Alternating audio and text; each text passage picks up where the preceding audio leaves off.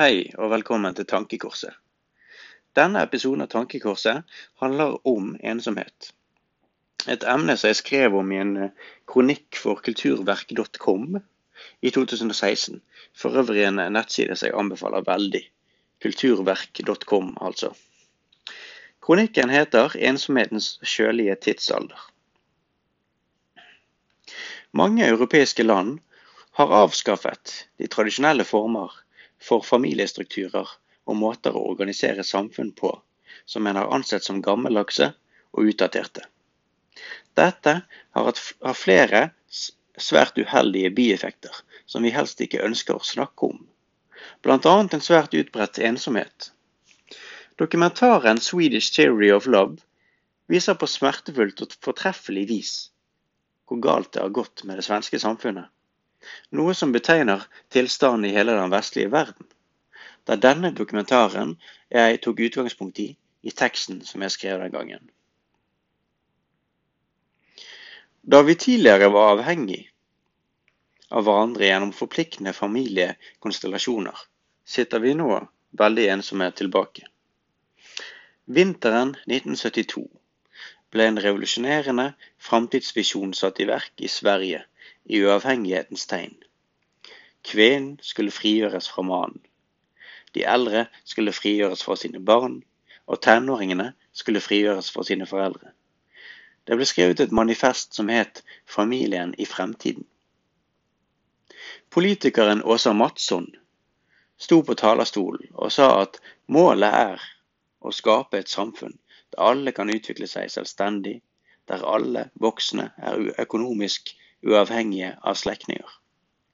Olof Palme proklamerte følgende Vi må skape økonomiske og sosiale vilkår som gjør folk til uavhengige individer. Målet var hvert menneskes frihet.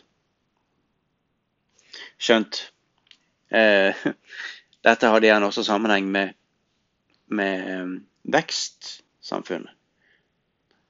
Eh, kapitalismens tanke om at man skal få så mye penger ut av samfunnet som overhodet mulig, og at så mange som mulig også da må jobbe, spilte kanskje inn. Men i hvert fall, ved å forkaste de strukturene som ga oss trygghet og kjærlighet, ble det gjerne et kaldere samfunn. Bibelen forteller om mennesket som spiste av kunnskapens tre. Etterpå kjente det på en enorm ensomhet. Kanskje frihet, må anses som et middel, og ikke, slik det ble sett på som i dag, et mål. Kan pendelen ha svingt for langt fra det ene til det andre? Professor Lars Tregård forteller hva begrepet The Swedish Theory of Love går ut på. Den svenske kjærlighetsteorien sier at alle mellommenneskelige forhold må basere seg på at folk grunnleggende sett er selvstendige. En kvinne som er avhengig av mannen sin, hvordan vet vi at de i dette forholdet er frivillige, og ikke fordi de er avhengige av hverandre? Og av økonomiske grunner. Barn har mange rettigheter. De eldre er ikke lenger avhengige av velvilje fra de voksne barna sine. Idealfamilien i Sverige består av voksne individer som er grunnleggende uavhengige. De jobber for seg selv. En kvinne med innvandrerbakgrunn i dokumentaren presiserer at svenskene ønsker å hjelpe flyktninger f.eks., men at de på samme tid ønsker å holde dem på avstand.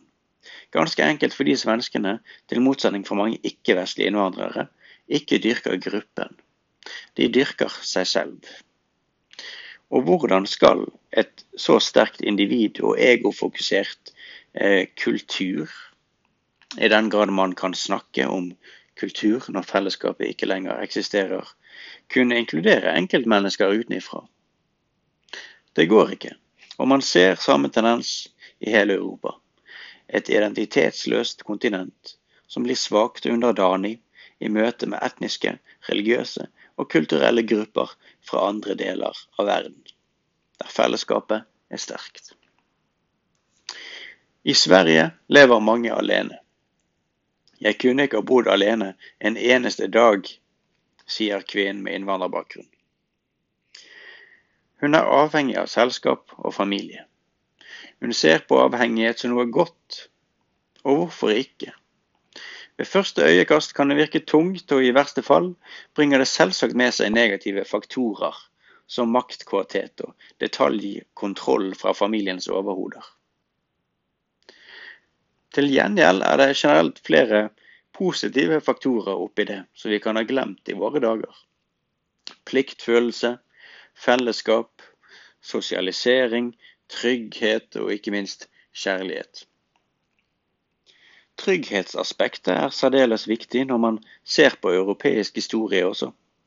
Nasjonalstatene sprang ut av nettopp følelsene av at man var et folk, at man var en utvidet familie. Sosiologiprofessoren Sigurd Skirbekk peker på at nasjonalstatenes periode var Europas mest fredelige tid, som også nevnt i forrige episode om eh, verdien av nasjonalstaten. Og det, det, er dette med at det bunner i familie, og hvor viktig man ser på familiefellesskapet. Det er forresten et tankekors i dag at vestlige politikere begrunner ikke-vestlig masseinnvandring ved at europeere får for få barn, når det er politikerne som også har beredet grunnen for at nettopp dette har skjedd. Det er et paradoks, og det er veldig snodig. Man kan ikke unngå å blir berørt når der eh, dokumentaren som nevnt der, tar oss med inn i en bolig hvor en mann har vært død i to år i sin leilighet. To år. De som arbeider med slike saker for den svenske staten, opplyser at årsaken til at noe sånt kan skje, er for det første at sosialpengene renner inn på kontoen og regningene betales automatisk. Ingen merker noe når personen ikke har noe nettverk. Og dette her er ikke noe unikt tilfelle. I den tredje verden hadde noe slikt aldri skjedd. Lykke er fellesskap.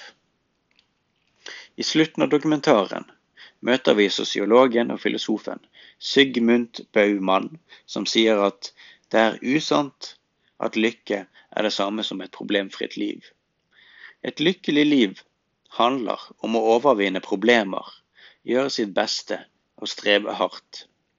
Så blir du lykkelig når du ser at du har mestret utfordringene. En kjenner glede ved å overvinne vansker. Dette har vi mistet. Vi mistet det da velstanden vokste. Folk har alt. Folk sulter ikke. De er ikke fattige. Men én ting mangler.